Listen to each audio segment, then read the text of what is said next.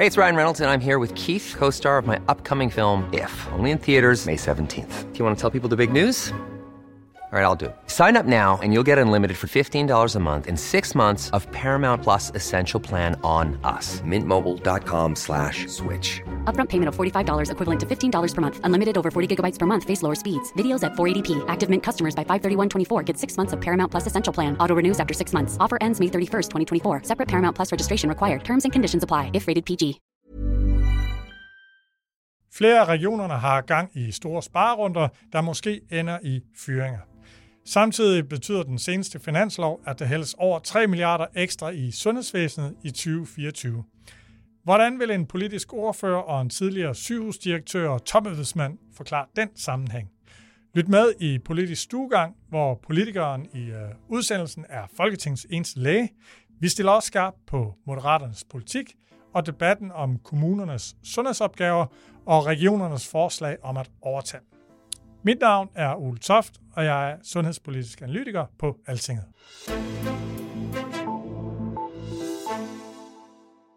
Lad os få sagt goddag til de to øh, gæster. Velkommen til dig, Monika Rubin, sundhedsordfører og politisk ordfører Moderaterne. Tak fordi du vil komme. Ja, mange tak, fordi jeg måtte. Og nu er det jo ikke øh, den eneste hat, du har på, fordi øh, ekstra interessant for vores lytter er jo, at du samtidig er Folketingets øh, eneste læge.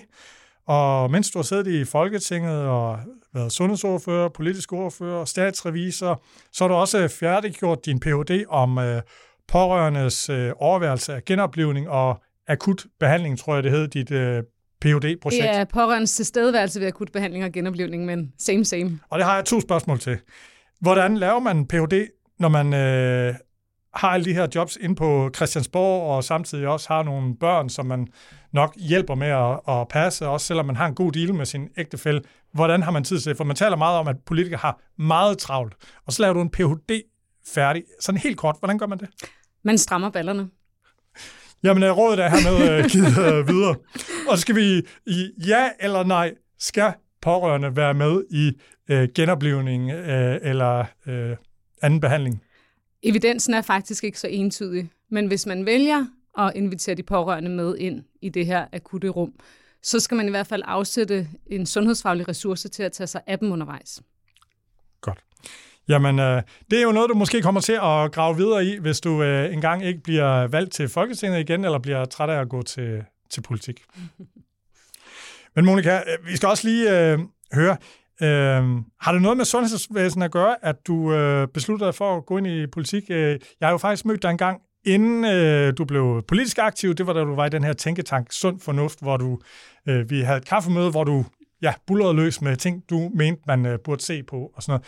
Men kan du nævne konkret, da du gik rundt som læge, øh, du har blandt andet været læge på Nykøbing Falster, du har i Herlev. Hvad var det, du tænkte, det her, det er jeg nødt til at prøve at ændre politisk?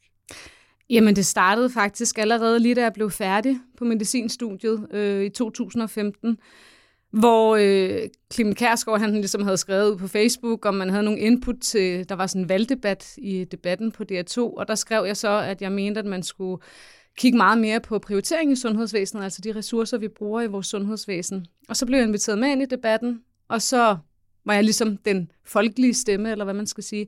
Og derfra, der tog det bare fart, så havde jeg svært ved at, at holde mund og blande mig i den offentlige debat. Ja, men øh, vi kommer til at høre noget mere om, hvad du mener om forskellige ting. Men vi skal også sige goddag til dagens anden gæst, nemlig dig, Nils Virkler Hansen. Tak fordi du vil komme. Tak fordi jeg måtte, Ole. Jeg har glædet mig. Og øh, at jeg inviterede dig, det skyldes jo, at vi også nok kommer til at tale lidt om sygehusøkonomi og struktur og sundhedspolitik. Og der er ikke øh, så mange, der har det samme øh, CV som dig. Øh, du er lige stoppet som øh, direktør for Sjællands Universitetshospital, hvor du har været tæt på driften. Men hvis vi starter i den anden ende, så i, det var i 99, ikke? Jo, det var det. Der gik du ind ad døren hos øh, Sundhedsstyrelsen, og har jo så været med siden da øh, til den store omstilling af sundhedsvæsenet, som få regeringen satte i gang. Øh, da du kom til Sundhedsstyrelsen, der var du nemlig i 10 år, og så har du arbejdet med sundhedsøkonomi og sundhedspolitik på chefniveau i Sundhedsministeriets departement og i Finansministeriet, inden du så rykkede ud i driften på Rigshospitalet. Og Niels, jeg nævner det ikke kun for, at læserne skal falde bagover i benovelse af, hvor klog og erfaren øh, øh, ekspert eller fagperson, jeg har inde her, men jo egentlig også mere, øh, nu taler vi om sundhedsvæsenet er fuldstændig kørt øh, skævt. Og du har jo været øh, med øh, hele vejen fra, at man begyndte at lukke en masse sygehus. Man dannede regionerne, specialplaner og alt muligt. Og jeg vil bare lige gerne høre, gik I embedsmænd rundt i den her proces og tænkte, Nå, vi skal da også have bygget det her op ude i, øh, uden for øh, sygehusene, ellers går det helt øh, galt. Og det gad politikerne at høre på, eller er det jer, der simpelthen glemte det i øh, jeres benovelse? Altså, øh, hvis jeg skal være helt ærlig, så øh, havde vi ikke fokus nok. Altså, det har sådan været en af mine store erkendelser, øh, hvad det hedder, gennem min karriere. Det har været, at øh, det store fokus, vi havde op igennem nullerne på at opbygge et stærkt sygehusvæsen, der overså vi i hvert fald på nogle dele øh, at der samtidig var brug for at kapacitetsudbygge det nære sundhedsvæsen. Så, og det, der var vi en hel del centralt placerede embedsmænd i forskellige funktioner, som nu sidder også i centralt placerede funktioner, som var med på den rejse, men hvor vi ikke var gode nok til at se behovet for kapacitetsopbygge i primærsektoren. Vi havde undervejs i 2013 nogle overvejelser om en reform på almen praksisområdet, som øh, der ikke rigtig var politisk øh, vilje til at træde i bund på, men øh, set sådan over hele perioden, så havde vi ikke nok fokus på primærsektoren. Det indrømmer jeg helt klart. Og det var den, hvor at, at øh, lægerne var lige ved at gå i konflikt øh, med det offentlige, øh, hvor at man ligesom lavede lavet et lovindgreb, der skulle øge styringen øh, med almen praksis, men det lempede man så, løsnede man op for i den følgende øh, overenskomst. Så det er ikke korrekt forstået? Fordi... Det er sådan i, i runde termer, øh, det der skete. Der var en, man opsagde overenskomsten med almen praksis, men det var vendt tilbage til noget, der på, altså på de helt store baner minder om det, man havde før. Så sådan, den store revolution skete der jo ikke dengang. Nej, for det der skete var vel, at i de følgende tre år, der gad de praktiserende læger ikke, og ind, eller der ville de praktiserende læger ikke indgå, kan man sige, i nye samarbejder og være samarbejdsvillige og så sagde man fra politisk hold, okay, jamen, så laver vi en ny overenskomst, hvor ja, vi... så tror jeg også, der var meget behov for at klinke skårene. Der var øh, et, øh, et anstrengt øh, miljø øh, mellem øh, tror jeg roligt, man kan sige, mellem regionerne og almen praksis, så der var også behov for at få ro på.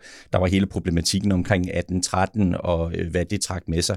Så der var behov for at få ro på, så jeg forstår sådan set godt, man agerede sådan, som man gjorde regionalt. Øh, men konsekvensen var jo, øh, at vi, øh, vi har en almen praksis, som jo på store øh, strækninger ligner den almen praksis, vi har haft de sidste mange, mange år. Hvad, hvor står Moderaterne han? Har vi en almen praksis, hvor at vi egentlig bare mangler nogle flere praktiserende læger, så er vi egentlig godt kørende, eller er du af den skole, og der hører jeg en del, der siger, der er nødt til at blive lavet grundlæggende om. Det offentlige kan kunne, skal kunne øh, lettere kunne styre den i en ny retning og lave aftaler med dem meget lettere end i dag. Det er simpelthen for svært at lave aftaler med almen praksis og bindende aftaler. Har I en øh, politik om det? Altså, jeg tror, det er meget sort-hvidt sat op, sådan som du siger det. Øhm, vi har jo nedsat fra regeringens side den her Sundhedsstrukturkommission, som jo netop skal kigge på hele vores sundhedsvæsen på tværs. Og det er både almen praksis, det er kommunerne, det er regionerne, det er også det præhospitale akutberedskab. Og i forhold til almen praksis, der tror jeg for eksempel godt, at der kunne være noget i udviklingen af, hvordan lægevagtfunktionen er på nuværende tidspunkt. Måske skal den endda gøres national. I forhold til dimensioneringen af, hvad hedder det, almen praktiserende ydre numre, der tror jeg også, at man bliver nødt til at kigge mere på, på Danmarkskortet som helhed. Det, der er problemet øh, lige nu, er jo, at vi mangler virkelig mange almen praktiserende læger ude i de mere tyndt befolkede områder, og vi mangler ikke særlig mange herinde i byerne. Og det, der var det interessante, er, at det er jo også i de tyndt befolkede områder, folk ofte er mere syge, og herinde i byen, at de er mere raske. Så der er noget i forhold til den sociale ulighed, som vi simpelthen bliver nødt til at gøre anderledes, og der har almen praktiserende læger også en øh, særlig rolle. Ja, og der er jo forskellige modeller. Man kan prøve at give de praktiserende læger mange flere penge for at arbejde i Region Sjælland. Og du er jo en alder et sted i din karriere, hvor mange af dine kolleger tænker faktisk skal til, om de skal være praktiserende læger, eller om de skal gå en anden vej. Har du nogen, hvad, hvad, hvad hører du øh, Vejved omkring, om man skulle slå sig ned i Region Sjælland? For det er jo der, man har, der er kun, øh, der er kun 20 procent af uddannelsesstillinger til øh, almen praktiserende læge, som er, er, er besat der. Øhm. Altså jeg vil sige, jeg er ret overrasket over, hvor øh, afstandsforskrækket vi generelt er i Danmark. Altså Danmark er jo ikke et særligt stort land, jeg har familie i øh, Canada, i Toronto, der bor en times kørsel uden for Toronto Midtby, og de siger jo, de bor i Toronto, når de siger det. Når jeg skal besøge min veninde, der bor oppe i Hundested, hvor jeg skal køre en times tid, så føler jeg jo, at jeg skal til Langbordistan. Og, og det tror jeg simpelthen, vi bliver nødt til at arbejde med. Øh, jeg har jo selv arbejdet på Nykøbing Falster sygehus, og der fik vi simpelthen struktureret min vagtplan sammen på en måde, der gjorde, at jeg aldrig nogensinde i mit arbejdsliv har haft så meget fri, som jeg havde, da jeg arbejdede på Nykøbing Falster, fordi de var rigtig gode til at samle mine vagter, og også give mig noget fri til for eksempel forskning, som jeg så kunne gøre hjemmefra. Så jeg tror, der er noget potentiale i at gå væk fra den her one size fits all løsning, som vi lidt har tendens til at putte ned over hovedet på de yngre læger i vores sundhedsvæsen. Og så tror jeg, det bliver nemmere også at rekruttere til de mere tyndt befolkede områder. Vi skal også nå at tale om øh, det her misforhold mellem, at øh, regeringen taler om den ene og den anden milliardindsprøjtning til sundhedsvæsenet efter den anden. Her dagen før vi øh, optager, så har Region Nordjylland meldt ud, at der skal spares øh, 280 millioner, og det betyder nedlæggelse af 229 stillinger. Øh, Region Midtjylland har for et stykke tid siden meldt ud, at der skal være en politisk spareplan om strukturelle besparelser på 237 millioner, ud over de 400-500 millioner, man i regionen skal spare på hospitalerne. Monika, jeg så du i går var ude på Twitter og sige, at du var bekymret over Region Nordlands øh, prioritering. Kunne man øh, have gjort det smartere? Jeg tænker, altså næsten en kvart milliard, det er vel svært at gøre noget smartere, og så ikke komme ud i at nedlægge stillinger, er det ikke det? Jamen, det kommer jo an på, hvordan man drifter de budgetter, man har. Altså, nu sidder jeg jo også som statsrevisor, og der har vi fået en del beretninger ind hen over det sidste stykke tid, som jo kigger på noget af økonomien også i regionerne. Blandt andet sygehusbyggerierne, også honorarafregningen hos lægerne. Og der er i hvert fald noget, der tyder på, at der bliver pengene ikke brugt hensigtsmæssigt. Så det eneste, jeg ligesom prøvede med mit tweet, det var at flage, at jeg mener ikke, at man at det er den hensigtsmæssige vej at gå, at man skærer i det kliniknære personale. Men det ved jeg jo så heller ikke, om Region Nordjylland gør. Ja. Altså fordi det, jeg har efterfølgende fundet ud af, at en del af de stillinger, de ligesom, øh, hvad skal man sige, sparer, det er jo nogle stillinger, der faktisk slet ikke er besatte, som de nedlægger. Ja. Og det, der jo er et ret stort problem i vores sundhedsvæsen og i vores samfund generelt, det er, at vi mangler jo faktisk arbejdskraft. Så man kan jo godt gå ind og, og fjerne nogle stillinger, og det betyder så ikke noget, men, men man har vel slået dem op til en start, fordi man manglede medarbejderne. Så der er jo et eller andet mismatch i, hvordan man prioriterer midlerne, om man prioriterer dem på det patientnære arbejde, eller om man prioriterer det på det administrative, og så også, om man bruger de penge, man så har, på den mest hensigtsmæssige måde. Niels, 280 millioner. Man kan vel ikke fyre djøffer øh, for at hente den øh, besparelse? Er der så mange djøffer i... Øh... Det, tror, det tror jeg helt sikkert ikke, der er i Region øh, Nordjylland, nej. Hvad, hvad, hvad tænker du? Øh, altså, jeg hører forskellige forklaringer om sygehusene, sådan grundlæggende øh, problemer. Der er det her med, den ene det er inflation. Så er der øh, normalisering af økonomien efter corona, hvor at jo øh, sygehus øh, øh, sundhedsudgifterne steg sådan 30 milliarder fra den ene øh, år til det andet, og har kørt sådan, så det er ved at blive normaliseret. Øh, dyre lønløsninger, fordi man har en operationspukkel, og fordi man simpelthen mangler personale, så må man lave de og så ventelisteafvikling, der giver man også ekstra øh, løn. Er, er det, øh, ser du andre, eller er du enig i den årsag, at det sådan simpelthen en hel buket af årsager til, at... at, at øh... Ja, det er det, og så er der kommet nogle nye dyre lægemidler på, øh, på diabetesområdet og ved, øh, ved kraftig overvægt, som helt klart har belastet regionernes økonomi øh, ganske betragteligt. Øh, man må sige, at indflyvningshøjden til, øh, til 23 fra 22 rent økonomisk set var, øh, var meget, meget høj. Øh, og så kan man også sige, at der måske har været... Indflyvningshøjden, hvad Jamen, det vil simpelthen sige, at øh, den, det niveau, man brugte penge på i 2022, havde, kunne man ikke bare overføre til 2023 også. Der var, der var behov for en, en opbremsning der. Det var så kombineret med, at man sådan set fik engangsmidler fra, øh, fra øh, regeringens side via blandt andet akutpakken, men jo engangsmidler, man skulle bruge til at løfte aktiviteten og afvikle ventelister på. Øh, og det gør jo, når det er engangsmidler, så kan man jo ikke ansætte på lang sigt, så så har man alligevel gjort brug af nogle af de der dyre løsninger med frivillig ekstra arbejde, eksterne vikarer, lægevikarer, sygeplejevikarer osv. Så der har også været noget styringslør, synes jeg, i løbet af 2023, som har gjort det vanskeligt for regionerne og sygehusene helt at ramme target. Men at the end of the day, så må man sige, at, at penge er nok ikke den største udfordring, vi står med i, øh, i sygehusvæsenet. Det er nogle andre ting, når man skal tale om. Monika var inde på prioriteringer, det er helt klart et af de, de, de, de vigtige emner at, at prøve at tage fat på. Altså kigger man ind i budget 24, så ser det jo sådan set øh, relativt fornuftigt ud sådan i forhold til den økonomi, der, øh, der, der er. Og det er, det er nogle andre greb, det er noget omstilling, man skal tale om. Min øh, tidligere kollega øh, Morten Sibel, øh, lægelig direktør på, øh, på Sjællands Universitetshospital, havde en artikel i kronik, eller en, en kronik i politikken øh, om lige nøjagtigt det her emne, at øh, vi bliver nødt til at kigge på, hvad det er, der skal være på hylderne i, øh, i vores sundhedsvæsen, og det er den vej, vi skal arbejde, måske mere end at snakke om flere penge hele tiden. Ja. Monika, du markeret? Jamen, det var egentlig bare lige to pointer til det, som, som Nils sagde, fordi nu kommer jeg jo lige fra en forspørgselsdebat om det her med vægttabsmedicin. Og der øh, er der kommet nogle tal på bordet i forhold til, at øh, vi faktisk øh, har haft udgifter til det her vægttabsmedicin på 1,1 milliard kroner i år. Og det er altså næsten en fordobling i forhold til sidste år. Og der er også øh, op mod 16 procent øh, af de personer, der får udskrevet den her vægttabsmedicin, som faktisk er diabetesmedicin, som ikke har prøvet anden diabetesmedicin før. Og det tyder altså på, at der er nogen, der nok får det udskrevet med tilskud til vægttab. Og det er altså ikke inden for gældende retningslinjer. Så der er i hvert fald et eller andet at hente derop, hvis man følger op på det. Og så i forhold til, til prioritering, jamen så estimerer vel klogt initiativet jo, at vi, øh, vi spilder mellem de her 20 og 30 milliarder kroner på tiltag, der ikke har effekt, eller måske endda skader patienterne, fordi vi ikke har undersøgt det godt nok. Ja. Så der er jo behov for at vi får et tværgående nationalt prioriteringsråd, som der også står i regeringsgrundlaget, og som jo var hele årsagen til, at jeg startede med at blande mig i den politiske debat i sin tid. Ja, det var emnet til vores første kaffemøde, før du blev øh, politiker, det her med et mere evidensbaseret sundhedsvæsen. Men så er det jo bare det her, du kan jo lave verdens største prioriteringsråd, hvis de ikke har noget forskning og evidens at stå på, som de kan tage beslutninger ud fra. Det har de jo ikke i dag, hvor de siger, at vi mangler viden om, øh, masser af de behandlinger, så skal der laves øh, forskning, eller man skal lave meta-analyser og alt muligt. Og det koster kassen, Niels. Du må... Øh... Altså, jeg har jo selv været med til at lave en, en del af de rapporter, der jeg arbejder med medicinsk teknologivurdering øh, som det hedder i sin tid.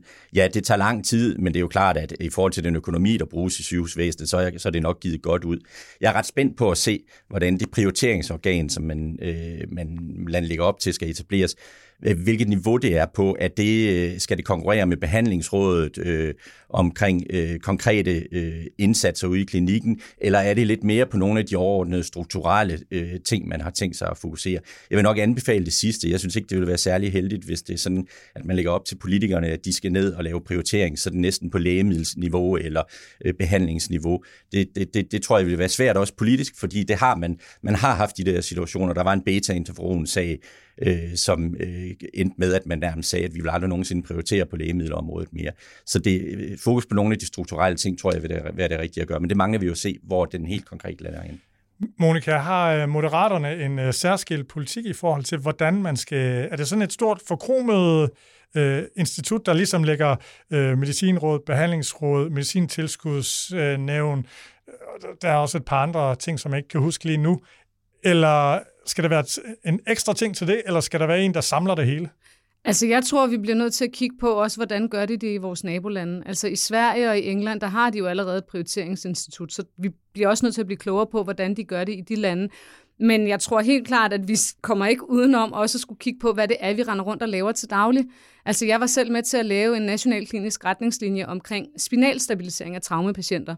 Og det viser jo, at det med at bruge øh, halskrav og spineboard, altså sådan et, øh, et, et stift bræt, det var der ikke evidens for, og det endte vi faktisk med at stoppe med at gøre ude, i, øh, ude præhospitalt.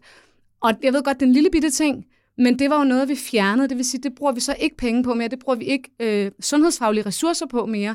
Og det er jo også det, vi bliver nødt til at kigge på, fordi vi har rigtig meget af det her, man kalder for øh, GOPSAT-modellen, altså Good Old Boys Sitting Around the Table, som har besluttet, at nu gør vi noget i sundhedsvæsenet, og så er det ligesom bare sådan, vi gør. Og der kunne man jo godt starte med at kigge på nogle af de ting, der for eksempel er rigtig dyre, vi gør i vores sundhedsvæsen. Hvad er evidensen overhovedet for at gøre det? Og skal vi fortsætte med at gøre det? Eller skal vi måske stoppe med det? Ja. Og så bliver vi, så bliver vi simpelthen nødt til at give noget, af vores, at give noget mere rygdækning til vores sundhedspersonale. Mm.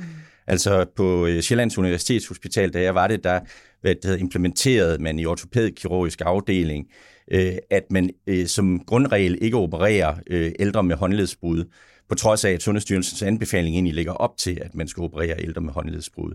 Øh, og det kræver jo, og simpelthen fordi, at vi kunne se, at, at dokumentationen, eller afdelingen kunne se, at dokumentationen var ikke i orden for, øh, for den anbefaling, og at det var lige så godt at lade være med at operere.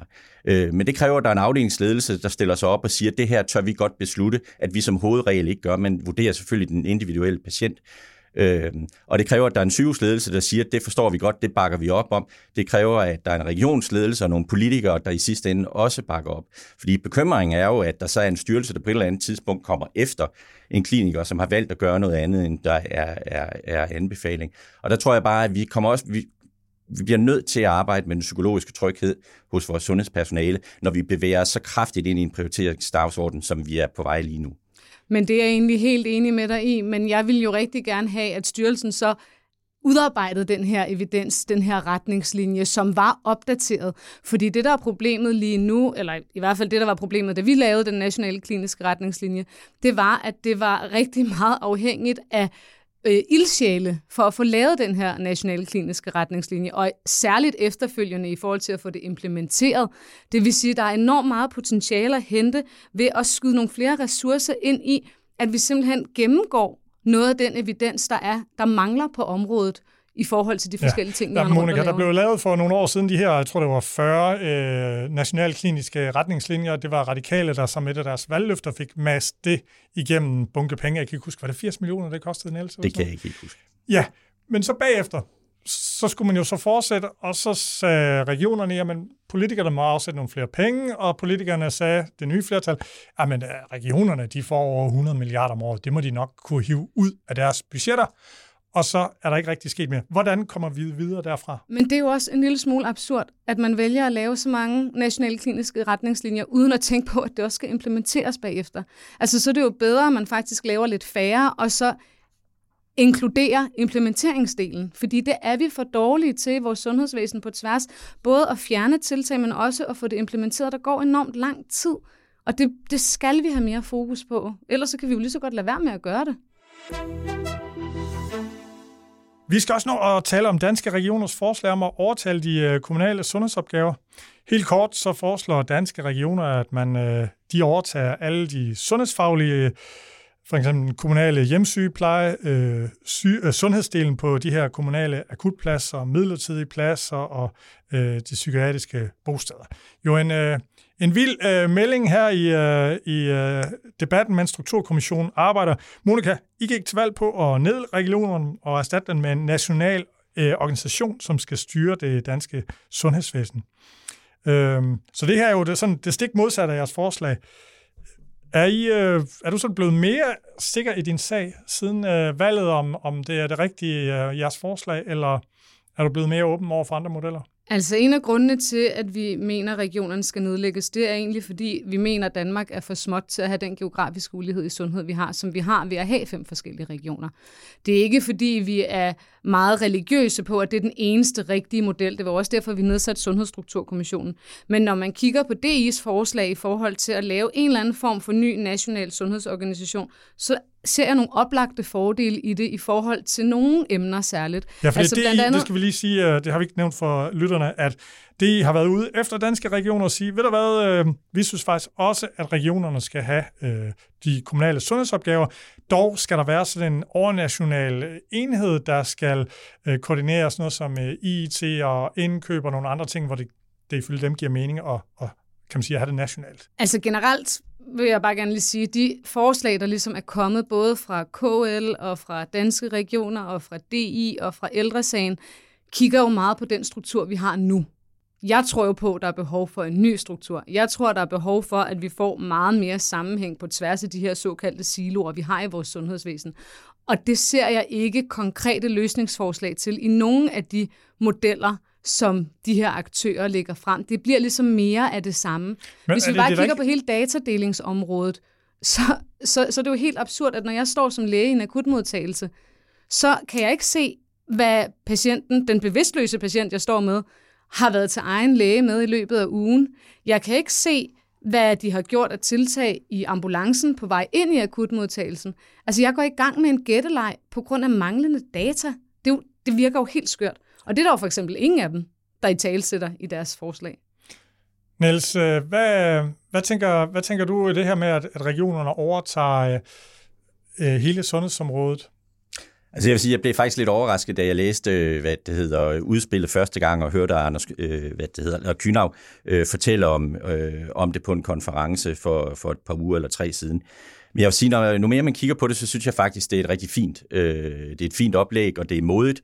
Øh, Hvorfor og, er det modigt? Og det, år, fordi at man taler ud i en, i en kontekst, hvor man godt ved, at risikoen for, at man øh, bliver skudt i skoene, at nu er man lidt i panik, øh, fordi skal man til at lukke regionerne eller ej, øh, øh, hvad det hedder, hvad er det for nogle, øh, hvad er det for et sagskompleks, man, man melder ud på baggrund af, der har været nogle kræftsager og så videre. Det bliver heller ikke øh, set med helt venlige øjne i KL, øh, fornemmer jeg meget tydeligt. Nej, det gør, man gør det formentlig ikke, men altså, øh, når man læser det igennem, så synes jeg faktisk substantielt, det er et rigtig, rigtig fint og fornuftigt oplæg, der har rigtig mange gode, øh, gode takter øh, med sig, og øh, Danske regioner har jo sådan egentlig traditionelt været sådan lidt forsigtige med at gå meget offensivt ud på sådan en dagsorden, hvor KL måske lidt har været den frække dreng i klassen.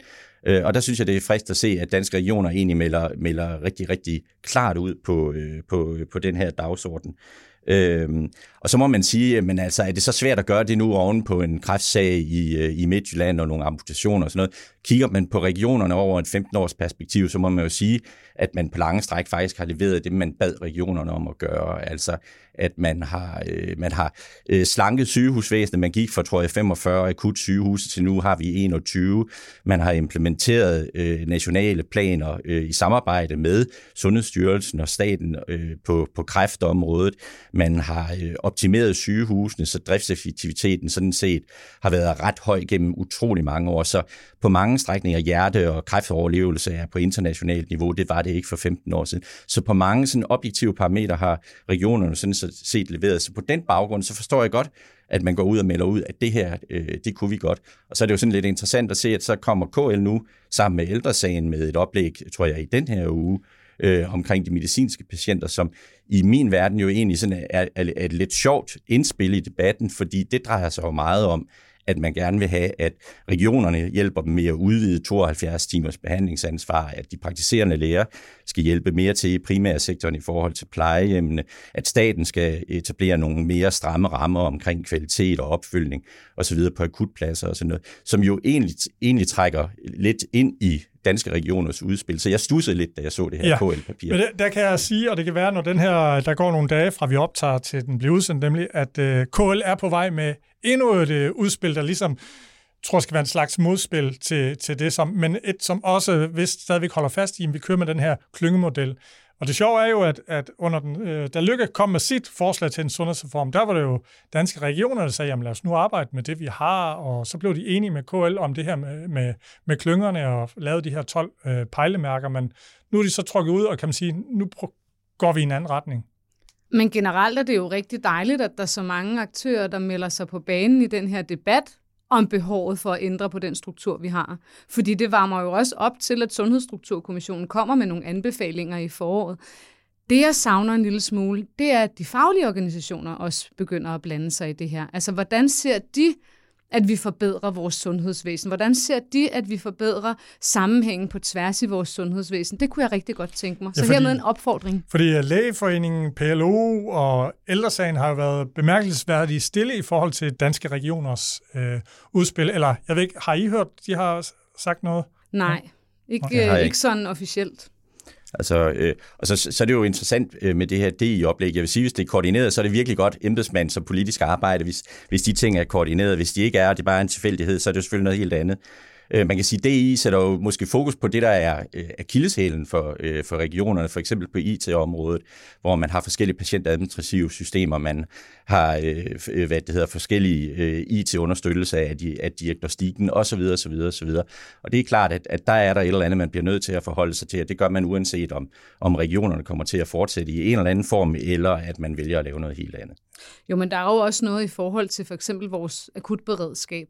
Altså jeg synes, at det er ejendomligt, hvis vi kigger på de forskellige regioner, hvordan man prioriterer forskelligt, både i forhold til akutlæger, i forhold til ambulancer, men også hvor vores øh, øh, lægehelikopter er blevet placeret. Altså jeg tror, hvis man kigger på Danmarks kortet rent geografisk set, så tror jeg faktisk ikke, at de her ting er placeret på den mest hensigtsmæssige måde for de patienter, der nødvendigvis bor yderligt øh, i Danmark. Så, så jeg tror simpelthen, på nogle stræk, der er Danmark for småt til, at vi deler det op i fem. Altså der bliver vi simpelthen nødt til at kigge på det som, som en enhed. Og så er der selvfølgelig andre steder, hvor man så skal dele det op for at komme nært. Og der er hele opbygningen, eller hvad man skal sige, hele udviklingen af det nære sundhedsvæsen helt ud til folks eget hjem, altså hjemmebehandling, er jo noget, vi skal have langt større fokus på. Ja. Og Niels, bare lige for faktuelt, øh, politikerne har de på Christiansborg, har de ikke flere gange dikteret, hvor de gerne vil have lægehelikopterne, at det også var sådan lidt et, øh, en gavebod, de lavede, sådan som jeg husker det. Det er ikke regionerne selv, der 100% har bestemt, hvor de skulle være. Det kan jeg ikke helt præcis svare på. Øh, jeg kan huske, at der på nogle tidspunkter har det også været en del af nogle politiske drøftelser øh, med, øh, med regionerne, hvor de, de lægehelikopter skulle placeres. Og jeg kan huske i hvert fald en gang, at der var en diskussion om, det skulle være på den ene eller den anden side af en regionsgrænse. Ikke noget, jeg tror, der egentlig havde den store betydning for dækningsgraden af, af den pågældende helikopter, men, men sådan, sådan husker jeg de her snakke, og jeg er lidt usikker på, hvor, hvor, politisk, hvor meget politisk indblanding der egentlig har været placeret. Man må sige, at det akutte beredskab er jo i det store hele en faglig opgave, hvor finmaske man, man vælger at gøre det, hvor man placerer lægeambulancerne og paramedicinerbiler osv. Og, og der har jeg ikke nogen oplevelse af, at der er stor politisk indblanding i. Nej, men, men dog er der jo en stribe politiske øh, tiltag, der er blevet lavet, hvor der så også lige er kommet nogle øh, ambulancer ind, som øh, nogle regioner så har fået stoppet ned i halsen, øh, billedligt øh, talt, og så når de har så også skulle spare, så har de skåret dem væk, og når man så udenfor for spurgte, hvor, hvorfor lukker I det ned? Jamen, vi, vi bad ikke øh, om dem, og vi mener ikke, der er brug for dem. Øh, Monika? Nå, nej, men det var bare en, en lille detalje i forhold til for eksempel lægehelikopterne, så det er jo også interessant, at, at de flyver jo også ud på noget forskelligt. Altså i, i Jylland, som jeg har forstået det, der flyver de ud lige så snart de får meldingen brystsmerter, hvor i Sjælland, der er der ligesom en primær ambulance, der skal ud først. Altså, og, og det er den her, det er den her øh, forskellighed, nogle steder i vores sundhedsvæsen, som jeg ikke helt forstår i, i, i Danmark. Og det tror jeg simpelthen munder ud i, at vi har den struktur, vi har nu, med de her fem forskellige små øh, sygehusvæsener. Vi skal til øh, hurtig runden med dig, Monika, fordi at, øh, nu er vi jo heldige, at vi har en øh, politiker i politisk øh, stuegang. Det var faktisk lidt bøvlet at lige at finde et tidspunkt, hvor at, øh, at øh, du er ude, og du har selvfølgelig også en del ordførerskaber, så det er du tilgivet for.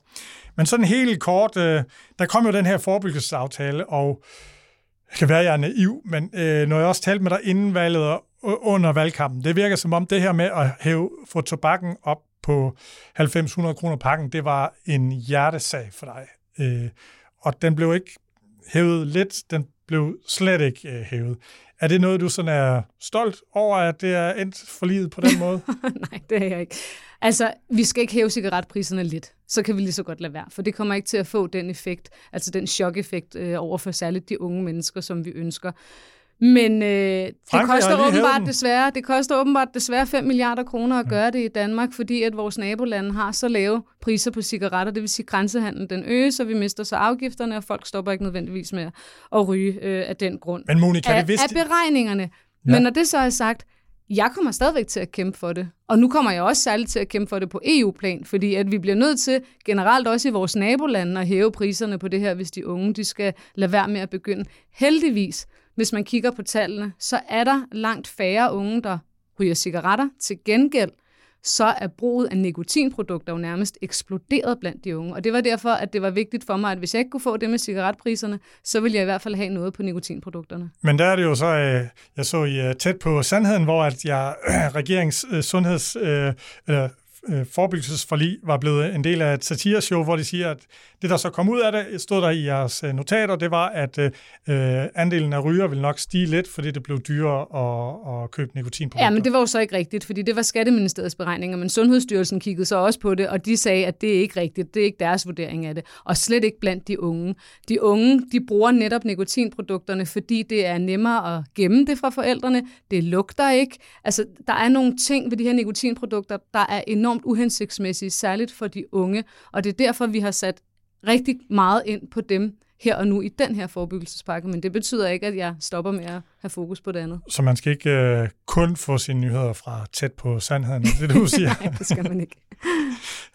øhm, godt. Vi skal også lige... Uh, hvilket, hvilket menneskesyn har moderaterne? Altså i hvilken udstrækning er danskerne sådan selv ansvarlige for deres uh, helbred? Altså jeres... Uh, formanden, han øh, kommer jo fra Venstre, og der er der, lægger man meget vægt på det her personlige ansvar. Hvor, øh, hvordan ligger I i forhold til Venstre på det her med det personlige ansvar og sundhed, altså om man vil ryge, hvis man vil, hvor meget man drikker i forhold til overvægt? Altså, jeg plejer at betegne os som et pragmatisk, socialliberalt parti. Altså, fordi vi har helt klart det liberale værdisæt, men med det socialliberale i sig. Fordi man kan sagtens mene, at folk skal have lov til for eksempel at ryge. Det, der er med rygning, er jo, at det er jo faktisk ikke et frit valg, når du først er blevet afhængig. Og når unge mennesker bliver afhængige i så tidlig en alder, og nu med nikotinprodukter ser vi jo, at de opbygger en afhængighed meget, meget hurtigt, fordi de kan have rigtig mange af de her nikotinposer i munden, jamen så er det jo ikke et frit valg, når du så er afhængig. Altså så er der jo et, et helt andet socialt aspekt i det. Så det er ikke, det er ikke enten eller, det er både og. Har vi voksne danskere, har vi en sund alkoholkultur i Danmark? Nej, det mener jeg bestemt ikke, vi har. Altså, jeg har lige været i øh, teateret med mine øh, to små børn. Jeg har en øh, søn på fire og en på snart seks. Vi var i Eventyrteateret, et teater lavet af børn, for børn, til børn. Og øh, der stod de altså med en flaske vodka op på scenen, og det var ligesom, man var ligesom sej, når man drak vodka. Det synes jeg er helt vanvittigt, rent ud sagt. Altså, der, der, der sidder ikke andet end børn og meget unge mennesker i den sal, og så selvfølgelig deres forældre. Og så bliver det ligesom glorificeret, at hvis man skal være stor og sej, så drikker man vodka. Og der er jo nogle voksne, der på et eller andet tidspunkt har jo været inde i den proces og beslutte, nå jamen, det er da en god idé at have sådan en flaske vodka på en scene.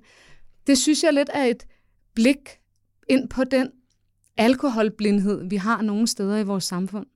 Ja, øh, med forebyggelsesaftalen, der var der jo nogle partier, der gerne ville have Danmark, ligesom de fleste andre lande i Europa, at vi skulle, man skal være 18, før man kan købe alkohol. Man endte så med, at, at øh, øh børn indtil 16, de må købe øh, til alkohol med 6 procent. Øhm, så der er sikkert stor jubel i Bryggeriforeningen over, over den, men øh, min pointe med det var, at øh, selve debatten om voksnes forbrug af alkohol, det er der vel ingen partier, øh, der ligesom adresserer i deres øh, valgudspil eller noget. Den er vel fuldstændig politisk død, og det, sådan som jeg husker det, er der omkring 140.000 danskere, der har det, der hedder sådan et, et skadeligt øh, alkoholforbrug. Er det noget, man tror, man kommer til at se i jeres næste politiske udspil eller valgudspil, at nu skal vi også til at kigge på de voksnes øh, druk, øh, mængder og, og kultur? Altså det er i hvert fald noget, der ligger særligt nogle af vores folketingsmedlemmer i Moderaterne meget på sinde. Vi har jo en mønsterbryder i vores folketingsgruppe, Rosa Eriksen, som selv er vokset op i et hjem med alkoholmisbrug, stærkt alkoholmisbrug, og jeg ved, det ligger hendes hjerte meget nært at gøre mere på det område. Og det gør det jo også for mig som sundhedsfaglig. Altså, så, så det er noget, vi bliver nødt til at tale om. Men grunden til, at vi jo ikke talte om det i den her omgang, det var fordi, at det her det var en forebyggelsesaftale for de unge det betyder ikke, at vi også kommer til at tale om, hvordan vi voksne mennesker også gør. Hvis problem er det, at øh, vi har langt flere øh, svært overvægtige i Danmark, end vi havde tidligere? Er det den enkelte der dansker, der skal... Altså, fordi man hører der mange, der siger, at altså, man styrer jo selv, hvad man putter ind i sin mund. Hvor står I hen der? Jamen, øh, jeg er faktisk glad for, at du spørger, fordi lige i dag er vi faktisk kommet med et øh, nyt forslag til et øh, politikområde i forhold til en differentieret moms på fødevarer. Et er, at vi vil sætte momsen op på klimabelastende fødevarer, men vi vil så samtidig sætte priserne ned på de sunde fødevarer. Fordi det er jo netop et strukturelt sted, vi som politikere kan prøve at nudge folk hen i en retning af at leve sundere, hvis det er, at de sunde fødevarer de bliver billigere. Ja, nu øh, har vi ikke hørt øh, til Niels i et stykke tid, så her når vi runder af Niels ind i Finansministeriet, når man hører sådan nogle forslag, hvad, hvad er sådan finansministeriel embedsmænd, hvad, hvordan har de det med sådan nogle øh, differentieringer af fødevarer og, og sådan noget? Det har jo været op en gang imellem. Torning-regeringen gjorde det, og så blev det droppet igen, øh, selvom det viste sig virkelig, det var den der fedtskat. Men har du noget at sådan, altså, der ringer hos dig? Øh, jeg, jeg vil tro, at nogle af de folk, der sidder med Skatteministeriets område, de, de, de vil være optaget af, at, øh, at det ikke bliver for komplekst en, øh, en løsning, fordi at det, er, det er formentlig ganske kompliceret at gøre på en, på en klog måde. Så jeg tror, det vil være det, de tænker, uden at, at have særlig dyb indsigt i lige det der område, Ole. Det er jo godt. Og det er, jo, det er jo ofte det, vi hører, når, når debatten kommer op, men det er jo bare ejendomligt, at rigtig mange af de lande, vi sammenligner os med, i Europa blandt andet, jo har differentieret moms. Så det virker jo helt mærkværdigt, at vi ikke også kan finde ud af at indføre det i Danmark. Det tror jeg faktisk godt, vi kan. Det bliver øh, spændende at, at følge. Øh, vi når ikke øh, mere i dag. Monika Rubin, tak fordi du kom. Mange tak. Niels Wøller, tak fordi du kom. Tak fordi jeg måtte. Og jeg kan sige, at øh, næste gang, om alt går vel, nu er der jo øh, sådan en sygdomsepidemi øh, lige nu, så har vi øh, repræsentanter fra KL og danske regioner til at diskutere struktur. Øh, til den tid, der skulle KL gerne være kommet med deres øh, sundhedsudspil, og danske regioner, de er jo kommet med deres, hvor vi så skal prøve at snakke om, hvad kan de blive enige om, og hvor er de enige om at være uenige. Mit navn det er Ole Toft, og jeg er sundhedspolitisk analytiker på Altinget, og udsendelsen den blev redigeret af Emma Agner Carstensen. Thank you.